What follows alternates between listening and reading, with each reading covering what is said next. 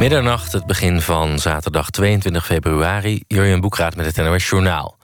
Er komt volgend jaar een tweede editie van het Democratiefestival schrijft minister Knops van Binnenlandse Zaken aan de Tweede Kamer.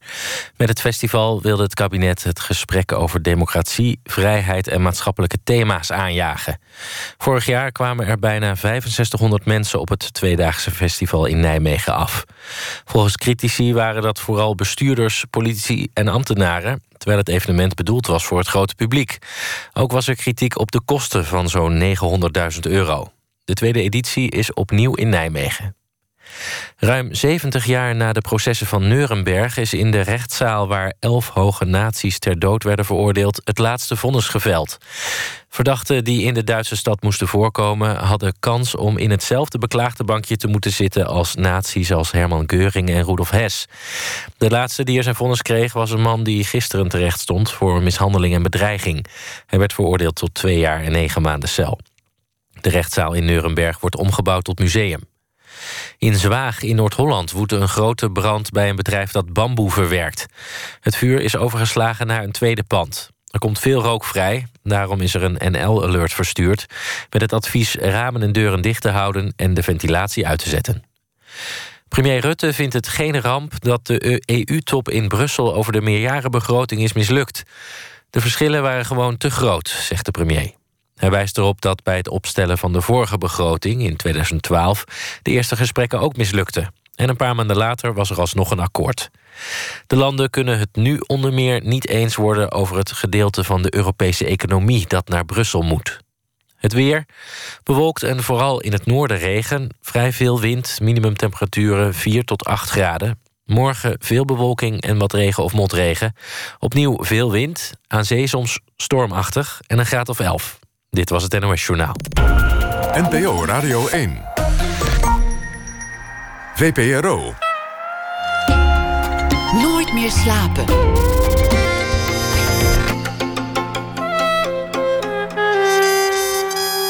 Met Pieter van der Wielen. Goedenacht en welkom bij Nooit meer slapen. Mijn gast komend uur verkocht meer dan een half miljoen boeken en stond meerdere keren al hoog in de New York Times bestsellerlijst. Jean Kwok, geboren in Hongkong, opgegroeid in New York, werkte als jong kind in een sweatshop in Brooklyn. Geld was er nauwelijks en niemand had kunnen vermoeden dat zij later een bestseller-auteur zou worden. Vanwege de liefde kwam ze naar Nederland en daar woont ze nog steeds. Ik vroeg me af bij het lezen van haar laatste boek, De Perfecte Zus, is er eigenlijk een keerzijde aan het verwezenlijken van je American Dream? En het uh, boek is in Amerika inmiddels al zeven drukken verder. Jean Kwok, geboren rond 1970, de precieze datum wordt nergens vermeld. Schreef eerder al Dans met mij en bijna thuis. En was ook een tijd lang docent aan de universiteit in Leiden. Jean, welkom dat je er weer bent erg bedankt dat ik hier mag zijn. Ja, jouw geboortedatum, je geboortejaar is, is eigenlijk nergens bekend. Er circuleren verschillende jaren, maar er wordt overal gezegd ongeveer, misschien. We, we weten het niet precies. Ja, is grappig. Ja, het is iets wat. Uh, ik denk misschien daarin zie je ook cultuurverschil. Ik denk. Uh, ja, ik, ik, mijn verjaardag en zo maak ik niet openbaar. Niet als, net als waar ik woon, mijn straatadres of mijn PSN-nummer maak ik ook niet openbaar. En in Nederland en in Europa merk ik meer dat mensen daarnaar vragen. Terwijl ja, in Amerika is het eigenlijk niet gebruikelijk om uh, te, vragen. persoonlijk. Nee, ja, is eigenlijk, ik vind het zelf persoonlijke informatie. Um, dus ja. Het is prima. Je, je, bent, je bent geboren in Hongkong. Je bent uh, opgegroeid in New York. En, en jouw, jouw jeugd was, zacht gezegd, armoedig.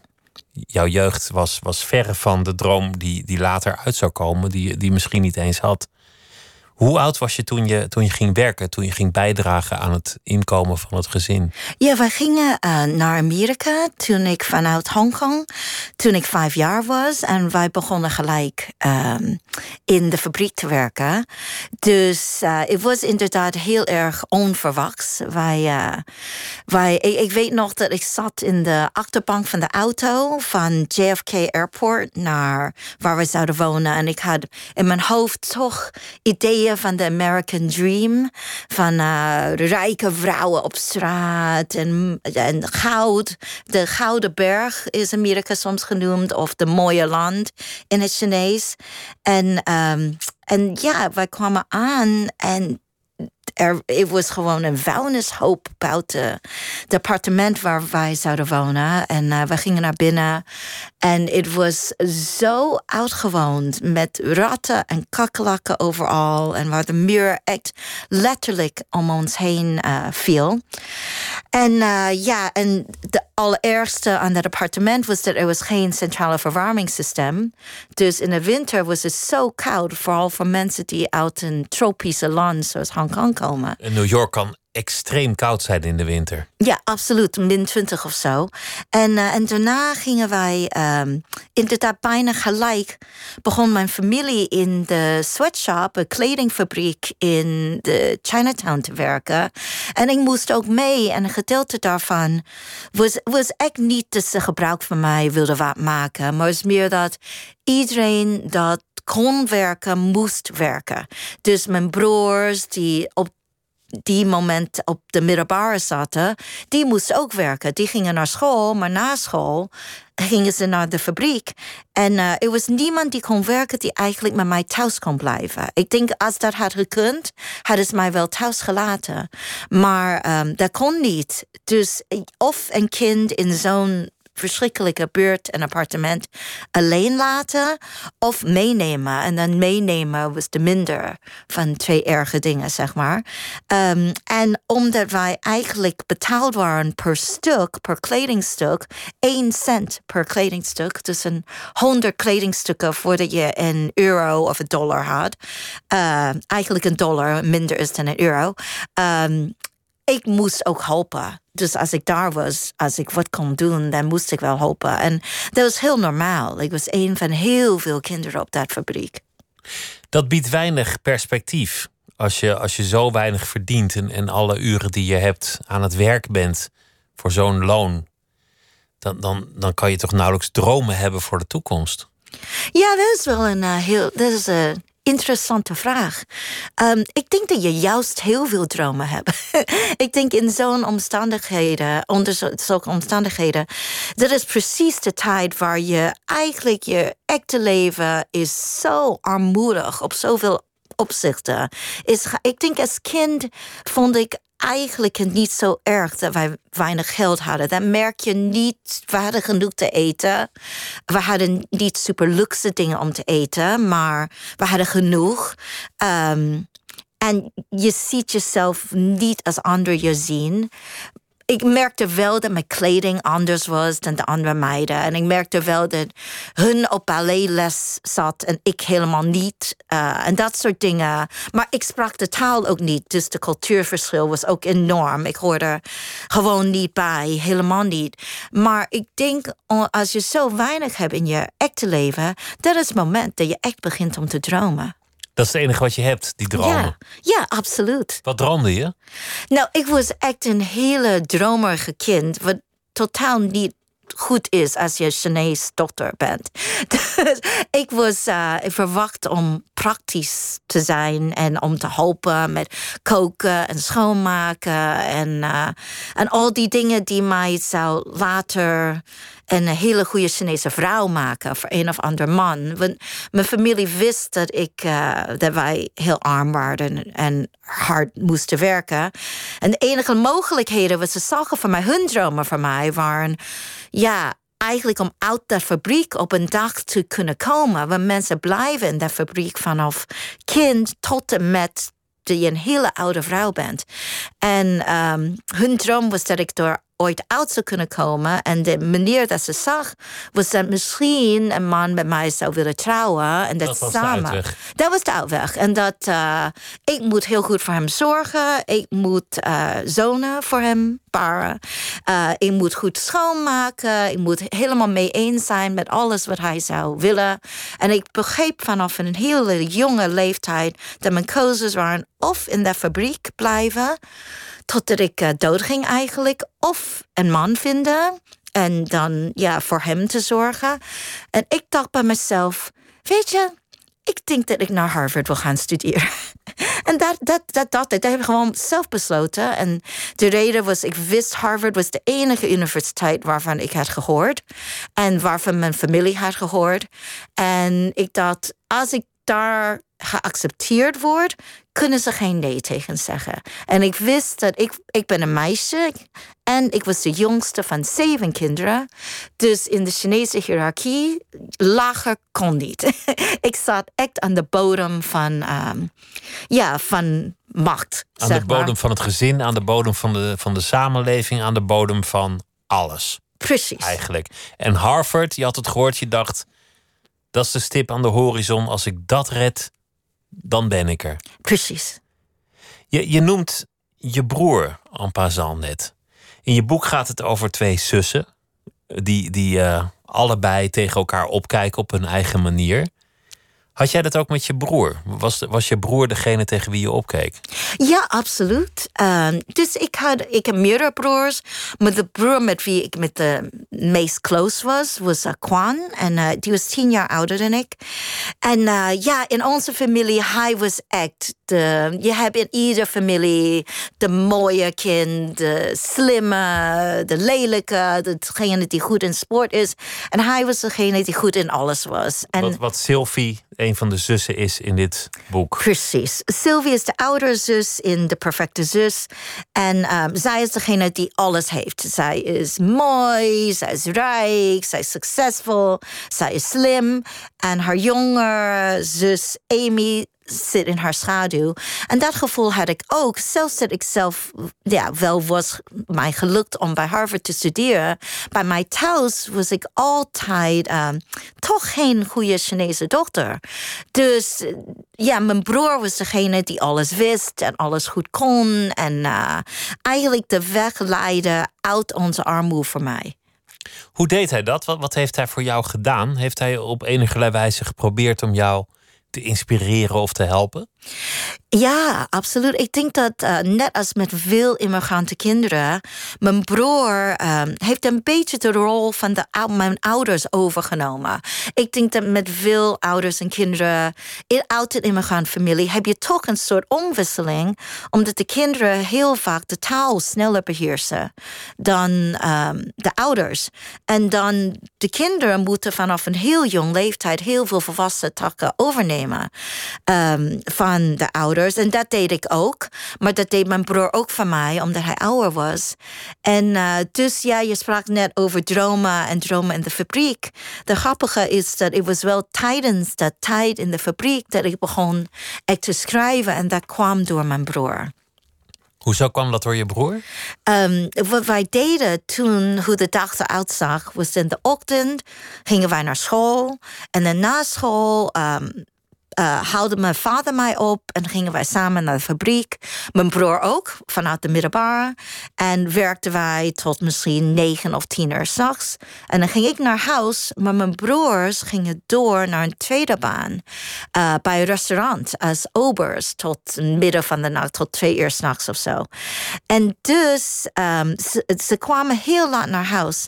En ik sliep al op één avond. Ik sliep al op een matras op de grond, waar we hadden geen bedden. Uh, en ik weet nog, de ratten gewoon, ze rennen langs je heen in de nacht. Worden ze heel actief. En je denkt, oh, gewoon niet op de matras springen, niet opspringen. Uh, maar ik zat te slapen en mijn broer kwam, kwam naar huis en hij heeft een pakketje bij mijn hoofdkussen gelegd. En ik dacht, oh, ik hoop dat het een Barbie is. Want ik wou zo graag een Barbie. Maar uh, ik had het idee dat als ik een soort blonde Amerikaanse Barbie pop zou krijgen, dat ik ook blond en Amerikaans zou worden. Maar dat was het niet. Het was de verkeerde vorm daarvoor. Ik zag, het was een boek. Um, maar, en dat vond ik niet erg, want ik hield zoveel van boeken. Dus daar staan mijn dromen in. Uh, ik las altijd, ik las graag. Ging al mijn boeken halen van de bibliotheek. Dat waren de enige boeken die ik had. En natuurlijk, omdat wij zo arm waren, kreeg ik echt geen cadeaus en had ik geen spelgoed eigenlijk thuis. Um, ik deed de papier af en ik deed het boek open. En ik zei, oh, Kwan er is iets mis met het boek, maar er zitten geen woorden in. Dus dit boek is stuk. Je moet hem terugsturen. En hij zei: Nee, nee, nee. Dit is een dagboek en het is voor je eigen woorden. En alles wat je daarin schrijft is van jou. En voor mij was het zo'n belangrijk idee om een plek te hebben waar ik eigenlijk mijn eigen gedachten, mijn eigen gevoelens, mijn echte zelf neer kon zetten. En vanaf die dag begon ik om te schrijven. Het was veel jaar later voordat ik zou beslissen om uh, ex-schrijver te worden. Maar het begon op dat moment eigenlijk te schrijven. Wat je vertelt is voor een deel gruwelijk dat, dat, je, dat je zes jaar bent en al in een fabriek werkt. Dat je in een huis woont waar het niet verwarmd is terwijl het buiten min 20 is. Dat er ratten over je bed lopen. Dat, dat je als kind geen enkele vrije tijd hebt. Dat, dat je geen, geen geld hebt voor, voor speelgoed of kleren of wat dan ook. En dan is rijkdom voor jou een leeg notitieblok en een, en een pen. En je dromen. Ja, ik denk, um, ja, dat is zo. Als ik terugkijk, ik denk ook dat het best wel een moeilijke tijd was. Maar ik was ook echt niet de enige. En dat is wat mensen niet beseffen. Mensen denken dat iedereen het goed heeft en iedereen gewoon, weet je wel, de weekenden vrij heeft. En dat is eigenlijk niet zo. Er zijn zoveel mensen die dag en nacht werken, die zeven, zeven dagen per week werken, om gewoon genoeg te verdienen te kunnen overleven. En dus ja, ik denk, mijn leven was niet makkelijk, maar ik ken heel veel mensen die veel zwaarder hadden dan ik. En die nog steeds zwaarder hebben. Dus ja, ik, ik heb, uh, vond altijd dat ik zelf best wel veel geluk had in mijn leven. Want ik, tenminste had ik familie die heel veel van mij hield. En um, ik had een uitgang door school. Ik was aan het begin, kon ik, eh, deed ik heel slecht op school, omdat ik geen woord Engels sprak. Ik had ook wel leraar die ja, het voor hen niet uitmaakte, dat ik geen Engels kon. Um, en ik kreeg alleen maar hele grote exen en kruisjes door mijn werk. Maar op een gegeven moment kon ik toch wel goed leren. En dat heeft mij echt gered. Je hebt beurzen gekregen, je bent naar scholen gegaan voor hoogbegaafde kinderen.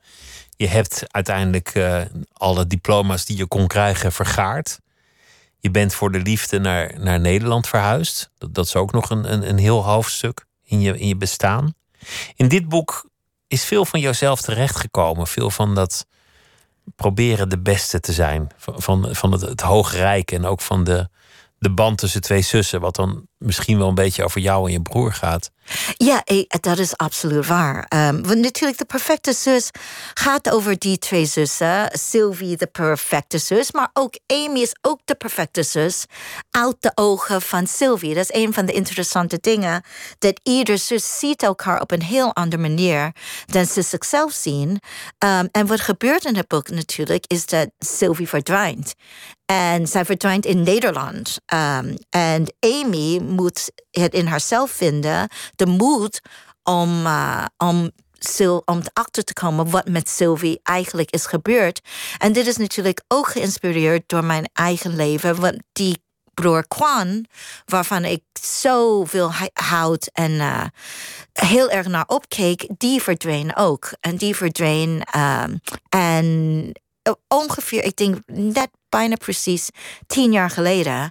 En toen moest ik eigenlijk uitvinden wat met hem was gebeurd. Jij bent toen, want dat, dat is de omgekeerde richting van het boek. Jij bent uit Nederland naar Amerika gereisd om hem te zoeken. Om te kijken waar hij mogelijk kon zijn, want jullie hadden geen idee. Ja, hij was verdwenen net voor Thanksgiving. Um, dus een grote feestdag in Amerika, waar iedereen samenkomt. En dus het was wel een grote iets dat hij niet naar huis kwam uh, voor die feestdag.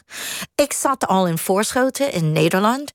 En toen ik dat hoorde, ik dacht, oh jee, dat is, dat is echt iets fouts. Is niet dat hij het druk had en vergeten was of zoiets.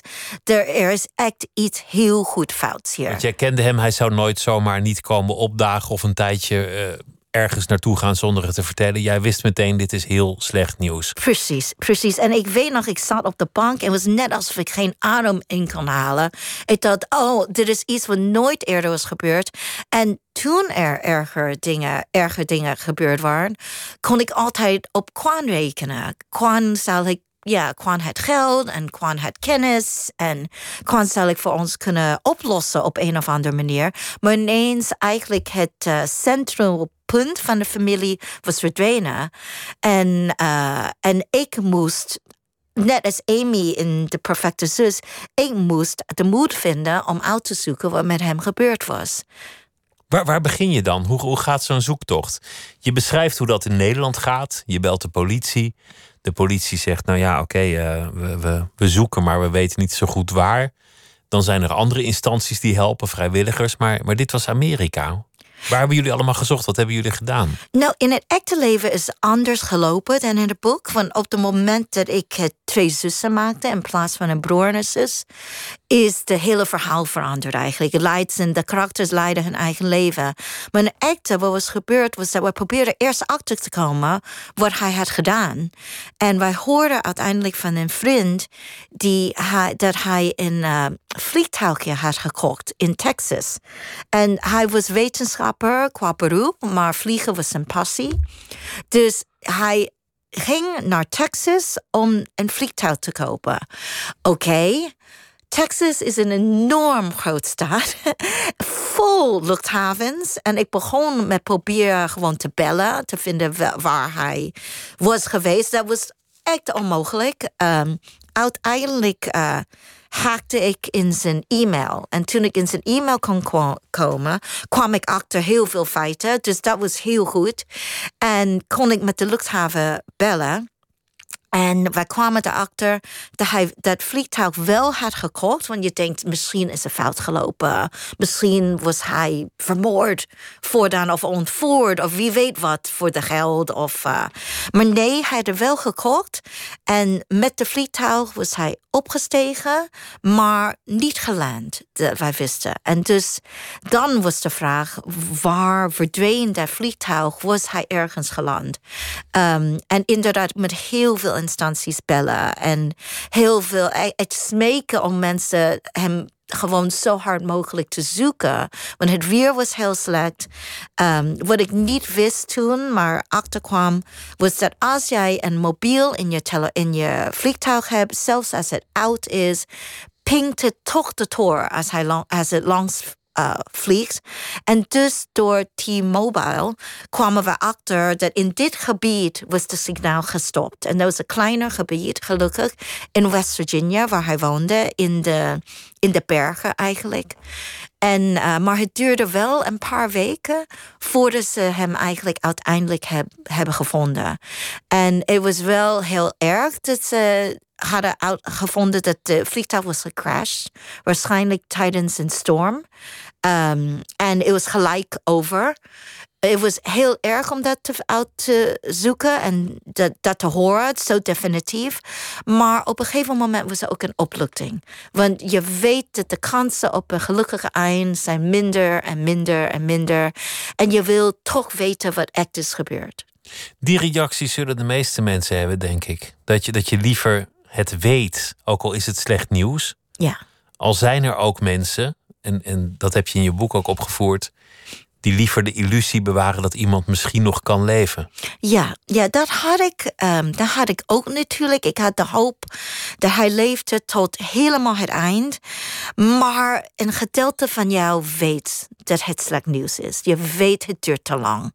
Um, en ik denk de allereerste is als je jaren door zou moeten gaan zonder te weten wat is gebeurd met iemand waarvan je heel veel houdt. En dat je denkt, misschien lijden ze ergens, misschien zitten ze bij iemand of zijn ze ontvoerd of zijn ze alles vergeten of, of, of zoiets. En dan je hebt zoveel vraagtekens. Is dan wel echt beter om te weten. Wanneer houdt die zucht naar kennis op? Want, want het zou verleidelijk zijn om dan te willen weten hoe laat hij opsteeg, hoe hij zich voelde, hoe hij het heeft beleefd. Om er om bij wijze van spreken in die cockpit te komen om, om elk detail te willen weten. Ja, dat had ik inderdaad. Ja, dat is wel heel perceptief dat je dat zegt. Ja, dat had ik. Ik weet ook bijna alle details van wat is gebeurd. Ik ging, ik heb, uh, ik ging daar wel achter. Dus inderdaad, ik wou echt heel graag weten wat was gebeurd op die dag. Hoe heeft hij gevlogen? Um, wat is, en ik, ik wou eigenlijk ook weten wat is gebeurd na zijn dood. En het was interessant, want toen ging ik naar een paragnost. En dat had ik nooit eerder gedaan. Ik geloofde daar niet zo in. Maar ik had op Nederlandse televisie de zesde zintuig gezien. En uh, Etty van der, oh god, Etty van der Berg, denk ik, was tweede in, de, in, in die programma.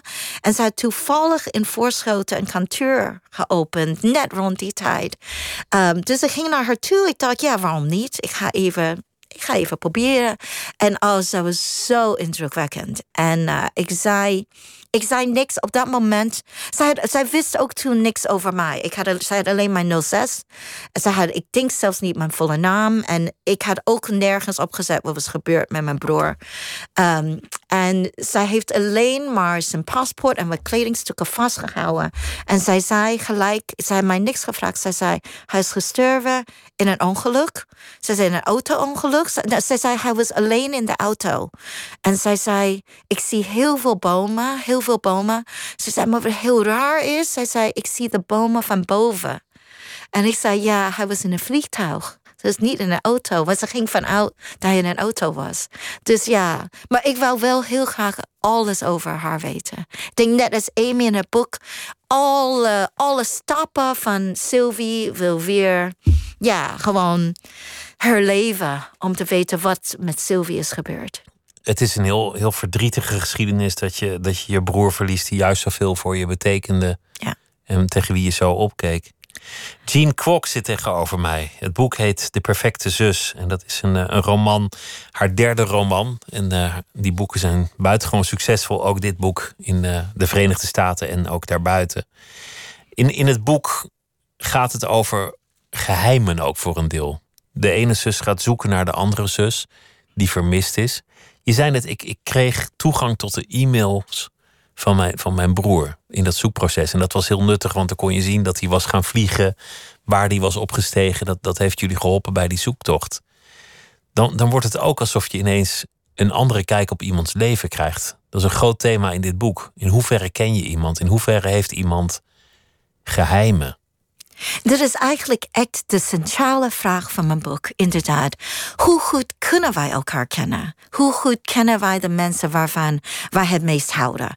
En ik denk, wij hebben het allemaal meegemaakt. Dat iemand waarvan je heel veel houdt, je toch heel erg verrast. Meestal op een negatieve manier, helaas. Waar je denkt, hoe had je dat kunnen doen? Dat ik nooit gedacht dat je dat had kunnen doen. Of geheim van mij had kunnen houden. En um, ik denk dat wij allemaal heel veel geheimen hebben. En um, voor mij, dus je hebt, voor mij, als ik een boek moet schrijven, heb ik een soort intellectuele vraag en heb ik een emotionele kern. De emotionele kern, de kloppende hart van dit boek is absoluut de vermis van mijn broer. Maar de intellectuele vraag die ik wil stellen was hoe, ja, hoe kunnen wij elkaar echt beter leren kennen? En daarom heb ik het vertaal, het verhaal ontwikkeld dat de perfecte zus is verteld door drie vrouwen, door Sylvie zelf, door Amy, de jongere zus, en door Ma, hun moeder. En het is verteld door die drie vrouwen die allemaal ook in hun eigen talen denken. Het boek zelf is natuurlijk in het, helemaal in het Nederlands. Maar Sylvie denkt in het Nederlands, want zij was zelf in Nederland opgevoed tot negen jaar. Amy denkt in het Engels en Ma denkt in het Chinees. En dat heeft ook met mijn eigen opvoeding te maken. Jij bent uh, drietalig, misschien meer, maar zover ik weet in ieder geval al drietalig. Drietalig en heel veel jaar Latijn gelezen. Um, maar ja, en, uh, en ik merkte toen ik opgroeide dat ik zag mijn moeder op een heel andere manier dan anderen haar zagen. Omdat mijn moeder heeft nooit Engels kunnen leren. Heeft alleen maar heel weinig gebroken Engels kunnen spreken. En de, de moeder die ik kende in het Chinees was een totaal ander iemand dan de mensen die haar zagen, die alleen maar Engels kunnen.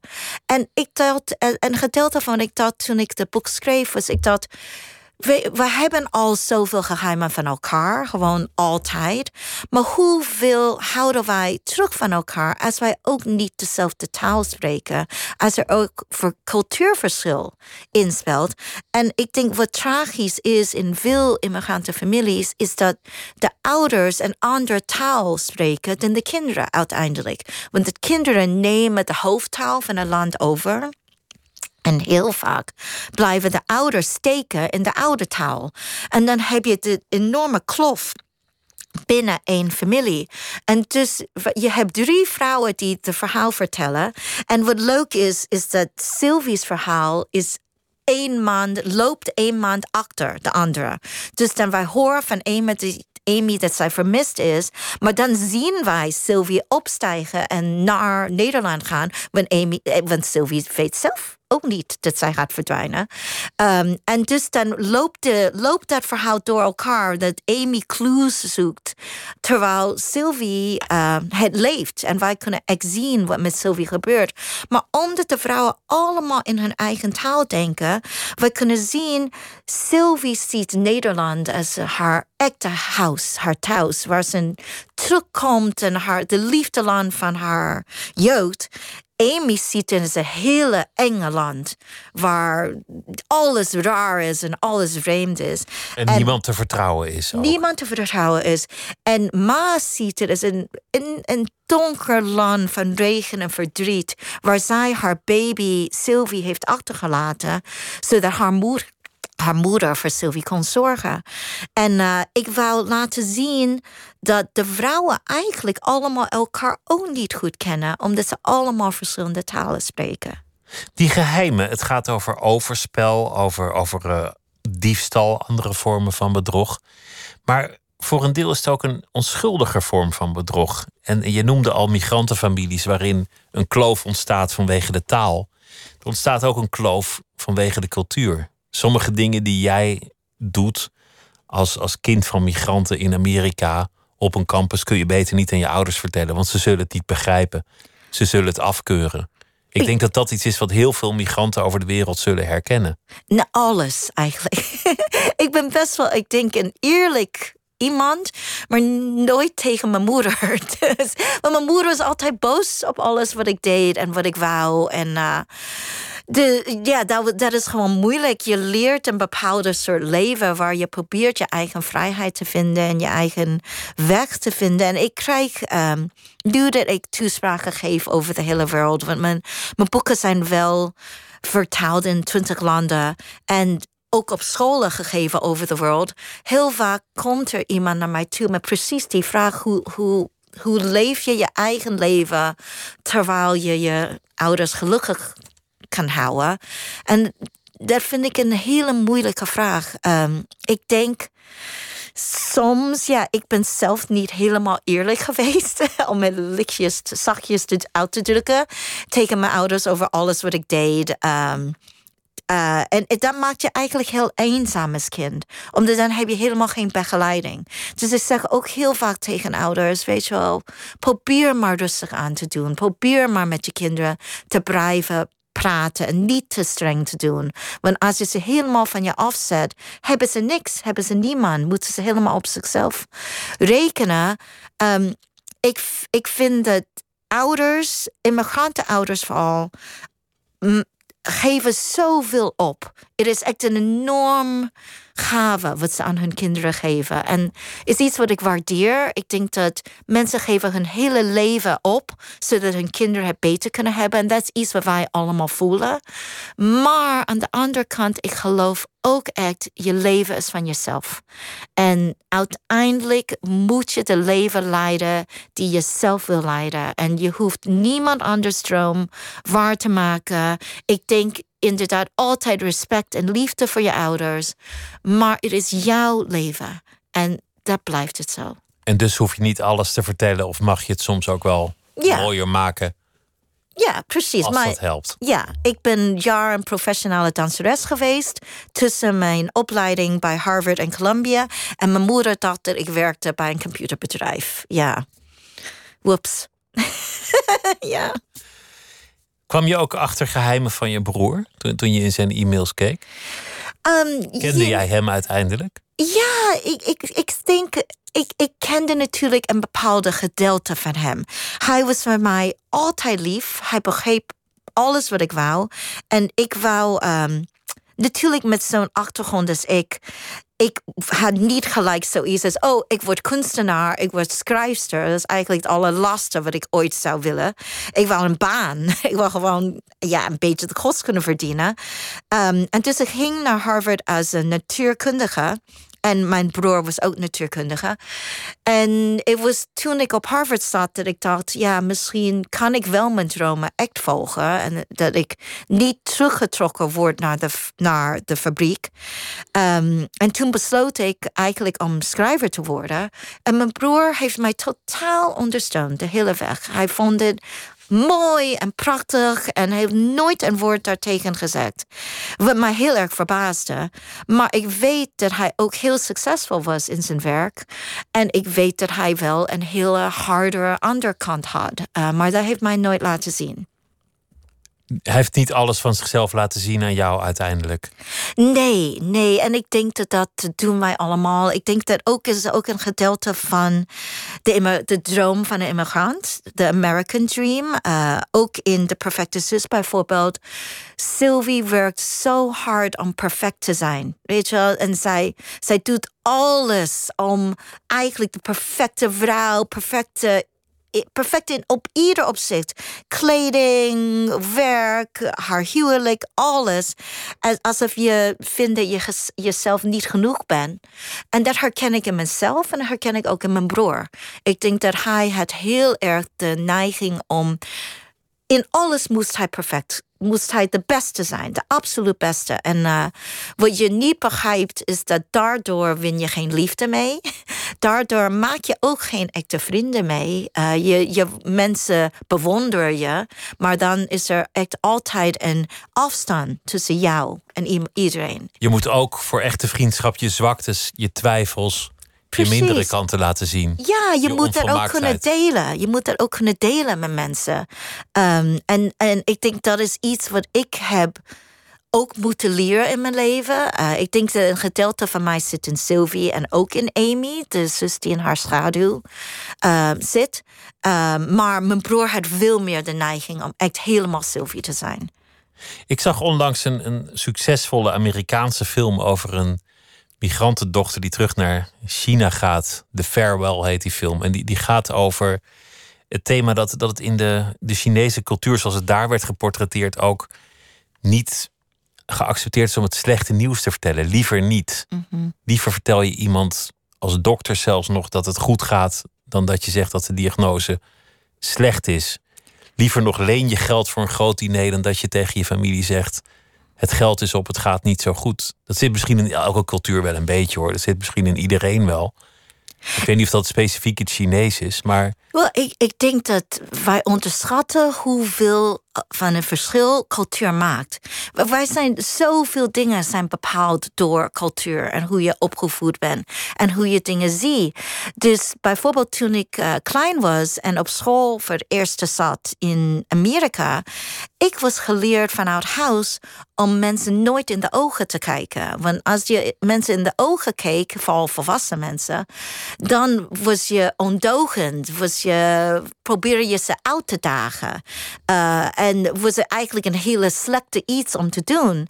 Maar in de West, als je dat doet, als je geen oogcontact maakt, kom je heel onbetrouwbaar over. En kom je afstandelijk en arrogant en, enzovoort. Of zoiets als handen schudden. Als je echt handen schudt met iemand echt uit Azië, je breekt hun handen bijna. Want ze, ze gaan niet terug, uh, hoe zeg je dat, squeezen. Je weet, ze gaan, knijpen niet. Ja, ze knijpen niet. Ja, ze knijpen niet. Omdat dat zijn we ook niet aangewend. Eigenlijk tussen twee mensen die meer ouderwetse Aziatisch zijn, handen schudden is meer elkaars handen vasthouden. heel zachtjes, eventjes. En dat is een heel andere manier dan in de West, waar het is een beetje teken van kracht en ik weet niet, emotie, dat je hard handen kan schudden. Dus die soort dingen kunnen eigenlijk veroorzaken een hele verkeerde indruk. En uh, daarom weer dat thema van geheimen en, en cultuurverschillen in mijn boek. Heel veel mensen vragen mij, ze zeggen... waarom heb je eigenlijk een soort mysterie geschreven... met deze boek, een suspensverhaal? En dat had ik niet expres gedaan. Maar het omdat het ging over verdwijning... en het ging over hoe wij elkaar niet begrijpen. Hoeveel misverstanden zijn door... Um, gewoon het leven, maar ook door vooral cultuurverschillen en taalverschillen. Een aspect dat, dat in Nederland sterk naar voren komt in dit boek is, is ook uh, racisme, vooroordelen en, en allerlei opmerkingen die mensen van Aziatische afkomst krijgen. Een thema dat de laatste tijd veel naar voren komt in, in, uh, in de media. En uh, Piet Woe heeft een mooi boek erover geschreven onlangs. Dat, dat is iets dat, dat, dat je heel mooi beschrijft in het boek. Een, een opmerking, een verkeerd geplaatste grap uh, dat soort dingen. Hoe heb je dat ervaren? Is dat, is dat een thema dat jou zelf bezighoudt? Ja, nou, um, dit boek, ik wou heel graag over Nederland schrijven met dit boek. Ik heb drie boeken geschreven. En dit is de eerste die echt over Nederland gaat. En die plaatsvindt in Nederland. Want Sylvie verdwijnt in Nederland. En Amy moet haar opzoeken in Nederland. Um, maar dus ik wou over Nederland schrijven, over de goede van Nederland en over de mindere kanten. Want ik denk dat is natuurlijk de taak van een schrijver om als een soort spiegel op te houden voor de maatschappij. En als een Chinees hier, ik vond wel dat er was wel heel weinig aandacht voor Chinezen en voor dingen die misschien racistisch zijn tegen Chinezen hier, wat in Amerika echt helemaal niet gaat gekund. Maar hier was gewoon toch gedaan. En uit een soort onwetendheid en echt uit een soort onschuld. Ik denk niet, ik denk dat bijvoorbeeld Hanky Panky Shanghai is voor mij echt heel veel keer gezongen. En ik weet 100% zeker dat iedere keer dat voor mij en mijn kinderen gezongen was, was het niet bedoeld als racistisch. Het was meer zoiets als, oh, dit is een liedje dat wij, waar wij weten iets met Azië te maken heeft. En wij willen ook je laten zien dat wij dat ook weten. En misschien vind je ook leuk. Zoiets was de bedoeling. Henky Panky Shanghai wordt dan ook gezongen met. terwijl je de, de, de vingers in de ooghoeken houdt alsof je Aziatische ogen hebt. Nou, dat is de ergste gedeelte van dat liedje. Dat je dat doet met je ogen. En ik begreep dat de reden dat mensen dat deden... was niet om ons uit te lachen of zo. Dat voelde zo de eerste keer. Maar het is niet om ons uit te lachen. Maar is ook omdat er is zo weinig is bekend over wat Chinezen zijn hier. Er zijn zo weinig Chinezen op televisie, in de media, in de politiek, boeken over ons. Er, zijn gewoon, er is gewoon niet veel over ons bekend. En dan wat mensen gaan, wat mensen gaan doen, is ze, ze vallen terug op stereotypen. En wat zijn de stereotypen? Chinese restauranten, sleetogen, weet je wel, samurais. Die soort, al die negatieve dingen komen naar voren, want ze hebben niks anders om in de plaats te zetten. Als in, in Nederland over, over China ging, tegenwoordig nou, tegenwoordig misschien nog steeds wel. Maar, maar vroeger dan was het altijd de kop. De Chinezen komen eraan. Of de Chinezen nemen het over. Of China is in opkomst. Ja, ja het is een soort bedreiging. En ik denk, ik denk ook niet dat de media expres China negatief wil verbeelden. Maar is meer dat is een beetje de dat is de karakter van het nieuws. Je gaat niet over picknicken in de nieuws. Weet je in de nieuws is altijd over iets wat een gevaar is. Of die, weet je bedreigend is. Het meeste van de nieuws loopt zo. En inderdaad, als dat is alles wat mensen horen. Dat, China dit doet. De Chinese regering is... De Chinese mensen zijn heel slecht voor dieren. De dierenwetten zijn onderontwikkeld daar. Die soort dingen. Dan denk ze dat wij allemaal zo zijn. En ook nu natuurlijk met de coronavirus. Mensen horen dat komt uit China. En dan ik weet al dat op schoolpleinen wordt geroepen... hey, coronavirus, uh, tegen kinderen van Chinese afkomst. En dat vind ik echt gewoon zo jammer en zo verschrikkelijk... dat ze geen andere kanten van Chinezen zien. Kritiek op de regering van China is, is natuurlijk legitiem. Op elke regering moet je kritiek kunnen hebben. Veel van die kritiek die je in de krant leest, die, die lijkt mij onderbouwd en, en terecht. Maar om dat dan vervolgens af te wijzen op gewone Chinezen die hier al weet ik veel hoe lang wonen, of, of die, uh, die hier om andere redenen zijn, om alles over één kam te scheren, dat, dat lijkt me ronduit pijnlijk. Nee, precies. En, en dat is wat ik over heb. Dat eigenlijk er zijn niet genoeg keuzes in de media.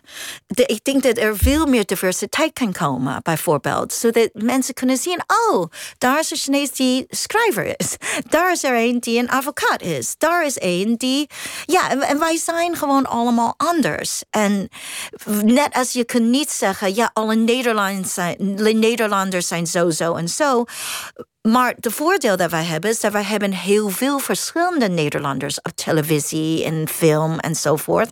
En dan weet je onbewust, oh ja, de een is zo, maar de ander is misschien helemaal niet zo. Uh, maar dat is moeilijker met mensen die je minder ziet. Dan wordt het al gauw een stereotype. Hoe was jouw, jouw aankomst in Nederland toen je hier voor het eerst kwam? Want je, je ontmoette jouw man in Amerika, of wie later jouw man zou worden. We ontmoeten elkaar eigenlijk in Honduras. Dus oh. ja, wij waren, uh, wij waren allebei aan het reizen um, door Centraal-Amerika. Dus ik, ik had een paar jaar gewerkt tussen na mijn diploma bij Harvard. En dan wilde ik terug naar Columbia om te leren om schrijver te worden. En in die zomer ging ik reizen alleen door Centraal-Amerika. En mijn man was ook hetzelfde aan het doen. Uh, we kwamen elkaar tegen. Um, in Honduras, op een eiland uh, of de kust van Honduras. Waar we meteen verliefd, maar we moesten allebei onze studies afmaken. Dus ik moest terug naar Columbia, uh, niet Columbia de land, maar Columbia University in New York. En hij moest naar de Universiteit Leiden om zijn studie psychologie af te maken. Dus we waren, hadden drie jaar lang een lange afstand uh, relatie voordat ik naar Nederland kwam. En ook echt een, een, lange, lange afstand. Ja, ja, ja, ja, nee, dat was zo. Dus ja, ik, vind, ik kwam naar Nederland en um, ik vond het wel. Ik, ik, ik vind het uh, tot de dag van vandaag een prachtig land om in te wonen. Ik ben heel blij dat ik hier mag wonen. Ik denk, uh, denk de grootste ja, winst van de Nederland zijn de Nederlanders. Ik vind ze echt gewoon ja, slimme, bedachtzame mensen die heel warm zijn en heel veel compassie hebben. En vandaar dat ik me soms verbaas dat ja, dat je racistische liedjes over Chinezen hebt, bijvoorbeeld, die op radio gespeeld worden. Ik denk, hoe kan dat? Dat is totaal tegenovergesteld van de Nederlanders die ik ken. En alles in het boek, alle racistische incidenten, heb ik zelf meegemaakt. Of heeft mijn kinderen meegemaakt. En mensen denken, hoe kan dat nou? Want ja, je spreekt wel Nederlands en je bent best wel Westers. En mijn kinderen zijn helemaal ingeburgerd. Maar ik denk dat wat mensen niet beseffen is dat hoe als je rondloopt als een, gekleurde iemand, het is heel anders dan als je rondloopt als een witte. En je ziet heel andere dingen, je maakt andere dingen mee. Um, en bijvoorbeeld, ik was in een restaurant en my, uh, ik liep langs een tafel en de hele tafel vol gedronken mannen. En ze gingen allemaal dingen roepen van Mulan en dit en dat. En ik dacht, oh jeetje. Ik, ik liep gewoon langs. Ik was met mijn familie en uh, ik heb niks gezegd. Soms zeg ik wel wat, maar deze keer niet. Liep daar langs. Later liep ik langs dezelfde tafel met mijn schoonvader, die gewoon Nederlands is. En ze zeiden niks. De hele tafel was totaal stil toen ik langs liep. En ik dacht, hij heeft niks gezien. En in zijn ogen is er geen racisme in Nederland, omdat hij ziet het niet. Het gebeurt of niet als hij daar is, of hij is gewoon, ja, of hij ziet het niet. Hij, het gebeurt met, tegen iemand anders. Dus ik denk dat er is een hele verhaal in Nederland van, oh, doe maar gewoon en niet zo overdrijven. Wat bedoel je? Heb ik het niet gezien? Maar als jij dat niet hebt gezien, betekent niet dat het niet bestaat. Het verhaal van jouw leven gaat uh, verder als je in Nederland bent. met het NOS Journaal. Er zit iemand uh, op, de, op de lijn. Maar goed, die uh, is iets te vroeg, 12 minuten. Nog even wachten met het, uh, met het nieuws. Jean Kwok zit tegenover mij, schreef een boek, De Perfecte Zus. Je hebt al verteld over je jeugd. Dat je, dat je werkte in een sweatshop in New York. Dat je uiteindelijk via studeren dat wist te ontvluchten. Geïnspireerd door je broer. Dit boek is ook geïnspireerd door de verdwijning van je broer. Een heel pijnlijke geschiedenis. Het gaat over geheimen. Geheimen hebben we allemaal voor elkaar. Het gaat ook over geheimen van migrantenkinderen. En uiteindelijk kwamen we te spreken over een ander thema in je boek, racisme. Waar ik mee begon, deze uitzending in de inleiding, is dat jij buitengewoon succesvol bent gebleken als schrijver. En in Amerika, je hebt, je hebt een, een half miljoen boeken verkocht inmiddels, misschien al meer. Zeven drukken van dit boek uh, reeds. Hoe, hoe is dat gegaan? Hoe is dat succes gekomen? Wel, het valt wel mee hoor. Het is wel aardig dat je het zegt. Het valt helemaal niet mee. nou, nou. Het is, uh, ik denk dat ik veel geluk heb gehad. Dat ik mijn eerste boek is, uh, heet Bijna Thuis. En het ging echt heel erg over mijn jeugd en dat dubbele leven in een fabriek werken en ook uh, gelijkertijd als een student in een rijke school. Um, ik denk dat er is heel veel interesse in dit soort verhalen. En ik denk dat dit boek, De Perfecte Zus, is waarschijnlijk mijn meest succesvol boek tot nu toe. Um, ik denk een gedeelte van de reden daarvoor is dat het is een boek die je kunt lezen gewoon voor het verhaal. Dus het is gewoon als een familieliefdeverhaal, familiedrama. Over wat is daar gebeurd met de zus. En hoe de twee zussen heel veel van elkaar houden. En van de moeder. En mensen kunnen gewoon dat lezen alleen voor de plezier van het verhaal, hoop ik. En heb ik ook heel hard aan het verhaal gewerkt. Zodat het makkelijk en hopelijk leuk te lezen is. Maar mensen kunnen ook dieper lezen als ze willen. En daarom zijn mijn boeken, ook dit boek is, uh, is net maar een half jaar oud in Amerika, maar het wordt al in universiteiten gegeven voor les uh, in Amerika. En ik, ik denk dat omdat mensen dan ook kunnen lezen, als ze willen, dieper. Over taal, over cultuur, over alleen zijn, over bijhoren of niet bijhoren, over racisme en cultuurverschillen. Dus je kunt je hebt verschillende laagjes waar je in het boek kan duiken. Um, maar succes, weet je, ik denk succes is iets wat heel moeilijk is om te meten. Ik denk, wat is succes? Ik denk, um, ja, ik, heb, ik ben blij dat ik mag blijven schrijven. Ik denk dat is de allerbelangrijkste voor mij. Dat, uh, dat ze mijn volgende boek willen en dat mensen mijn volgende boek willen lezen. En ik dacht toen ik begin, als één iemand naar mij zou komen om te zeggen: Oh, je boek heeft mij geraakt. En je hebt iets gezegd wat ik altijd heb gevoeld, maar nooit zelf kunnen zeggen. Nou, dan voel ik mezelf succesvol. En daar gaat het eigenlijk om. Maar jouw lezers zitten voor een groot deel in de VS. Wordt het eigenlijk in China inmiddels ook uh, veel gelezen, jouw, jouw werk? Eigenlijk wel, omdat um, mijn werk is natuurlijk ook kritisch op Amerika. Niet dat ik bedoel het zo, maar mijn verhaal was niet super makkelijk. Dus dat als een immigrant in Amerika dat je zo arm kan zijn en zo hard moet werken. En uh, ik denk mijn eerste boek, Bijna Thuis, stelt de vraag kan jij, bestaat de Amerikaanse droom, bestaat de American Dream? En de perfecte zus stelt de vraag, wat is de kost van de American Dream? En wie betaalt dat prijs? Wat is dat prijs? Dus die zijn dingen die eigenlijk de Chinese regering best wel mooi vindt. En um, er zijn heel veel van mijn boeken verkocht in China. Ook daar. Dat was de, de vraag die bij mij achterbleef bij het lezen van het boek. En, en die, die ook in het boek wel gedeeltelijk beantwoord wordt. Je, je hebt echte American Dream verwezenlijkt. Begonnen met helemaal niets. En uiteindelijk zeer succesvol geworden. Zo noem ik het in, jou, in jouw vak. Is er een keerzijde? Als je, als je dan dat bereikte. Want je zei toen ik arm was, had ik tenminste dromen. Kon ik dromen, want juist als je niks hebt, dan ga je dromen. Hoe, hoe is dat nu eigenlijk als je alles Oh, ik heb nog steeds. Nou, ik heb nog steeds heel veel dromen hoor. Maar ehm, ik probeer ieder be- met ieder boek beter te zijn. Om sterker te zijn, dieper te kunnen schrijven. eh, eerlijker te kunnen schrijven. Dus ik heb nog steeds eh, heel veel dromen voor mezelf en mijn schrijven. Maar ik denk, ik denk, ik, ik, ik, ik vind dat ik heel veel geluk heb, vooral om een gezin te hebben van, waarvan ik hou. En een man en twee gezonde kinderen. En om in Nederland te mogen wonen, dat vind ik echt gewoon fantastisch. Dat ik hier mag blijven. Ehm, ik denk dat de keerzijde van mijn leven in het algemeen is dat ik, eh, ik woonde natuurlijk in heel veel verschillende landen en ik hoor nergens bij. En er, ik, ik- niks is vanzelfsprekend. Als eh, iedereen zegt, oh, wij vinden allemaal dit. Ik heb heel vaak een andere mening, omdat ik zie het toch uit het perspectief van een Chinees of van een Amerikaan, of als ik daar ben, als een Nederlander. Dus ik zie het toch wel heel vaak anders dan Maar je, andere je mensen. bent nergens ben je volledig datgene. Je bent nooit volledig een Amerikaan, een Chinees, een Nederlander.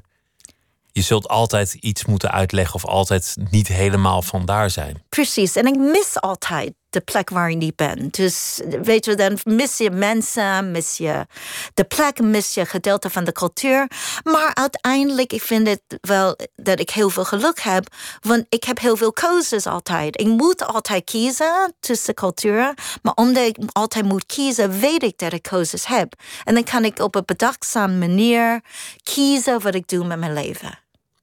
En je weet ook altijd dat er een andere variant op elk verhaal is. Dat, dat is een, een rijkdom. Precies. Maar het is, het is natuurlijk ook zo dat als je jong bent, dan, dan denk je: als ik maar hard genoeg studeer en alle diploma's haal, dan, dan ben ik gearriveerd, dan, dan is het goed. En dan begin je te schrijven en dan denk je: als ik nou maar een boek uit heb en dat boek wordt succesvol, dan, dan ben ik er, dan is het goed, dan mag ik er zijn. En nu heb je al die dingen bereikt. En dan loop je er tegenaan dat, dat je misschien wel nooit helemaal er zult zijn. Dat dat punt van aankomst gewoon niet bestaat. Wel, dat is het hart van het boeddhisme. Hè? Want ik ben ook boeddhistisch. En wat wij zeggen is dat de enige geluk is om, dat je kunt vinden is in dit moment. Dit moment nu. Dit moment dat ik tegenover jou zit bij Nooit meer slapen. En dat wij praten op zo'n leuke manier over mijn werk en mijn leven. Dat, dat is de enige... In het verleden is al achter ons. De toekomst komt steeds naar ons toe. En als wij gewoon in dit eenvoudige moment steeds ons geluk kan pakken, dat, dat is een mooie leven. Het is aan de ene kant waar wat het boeddhisme predikt, van leef in het moment. Als je dat te strikt doet, dan zul je nooit ontworstelen aan je lot. Dan, dan, dan was je misschien nog steeds wel in die koude woning met de ratten en de baan. Juist het feit dat je dat niet hebt gedaan, heeft je hier gebracht. Dat je wel naar de toekomst keek. Ja, soms vraag ik me af hoeveel van mijn gedrevenheid is ingeboren en hoeveel heb ik geleerd door mijn omstandigheden. Ik heb twee kinderen en uh, ze zijn allebei hoogbegaafd en super slim en totaal niet gedreven. totaal niet. En ik denk, oh jeetje, waar komt dat door? En misschien omdat ze een hele gelukkige leven hier in Nederland hebben, is het van niet nodig om zo hard te werken. Is Het comfort was er al. Ja, ja, misschien ik net als Sylvie in De Perfecte Zus. Ik had altijd het gevoel dat ik niet genoeg was. Dat ik meer moest doen om gewoon bij te kunnen horen. Ik denk uiteindelijk willen wij toch allemaal liefde. Op een of andere manier. Dat je probeert de liefde van je ouders te verdienen. De liefde van een ander. De liefde van de maatschappij. Het is mooi dat je dat zegt. Dat, dat, je, dat je uiteindelijk in een leven waar veel armoede is geweest. en je uiteindelijk succes hebt gekregen in, in, in materiële en maatschappelijke zin. dat je zegt: het belangrijkste voor mij is liefde, je gezin, je man, je kinderen. Ja, absoluut. Ik denk dat is natuurlijk de hart van ons allemaal. Maar daarom gaat mijn boek daar ook over. Wat gebeurt als dat niet helemaal zuiver is? Wat, is, wat als er toch geheimen verbergen zijn in iets wat je dacht 100% stabiel was? En dat gebeurt ook natuurlijk. En dan wordt het angstaanjagend. Het is uh, een spannend boek ook geworden dit keer. De perfecte zus, Jean Kwok. Dank je wel dat je langs wilde komen. En heel veel succes met het schrijven en uh, alle andere dingen. En dank dat je met me wilde praten. Het was me genoegen. Nou, Pieter, heel erg bedankt dat je er mag zijn. En zometeen kunt u luisteren naar uh, Miss Podcast met uh, Misha Blok. En Nooit meer slapen is er uh, de nacht van maandag op dinsdag weer. Ik wens u een buitengewoon prettig weekend en een hele goede nacht.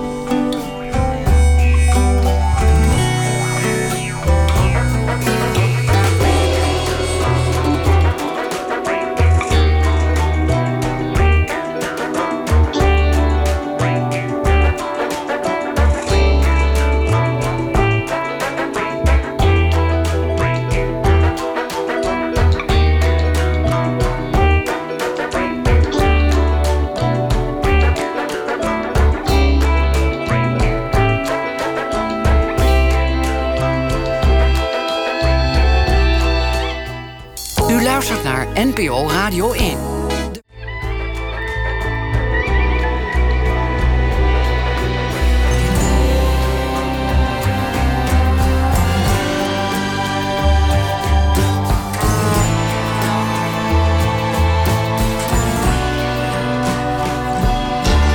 Op Radio 1, het nieuws van alle kanten.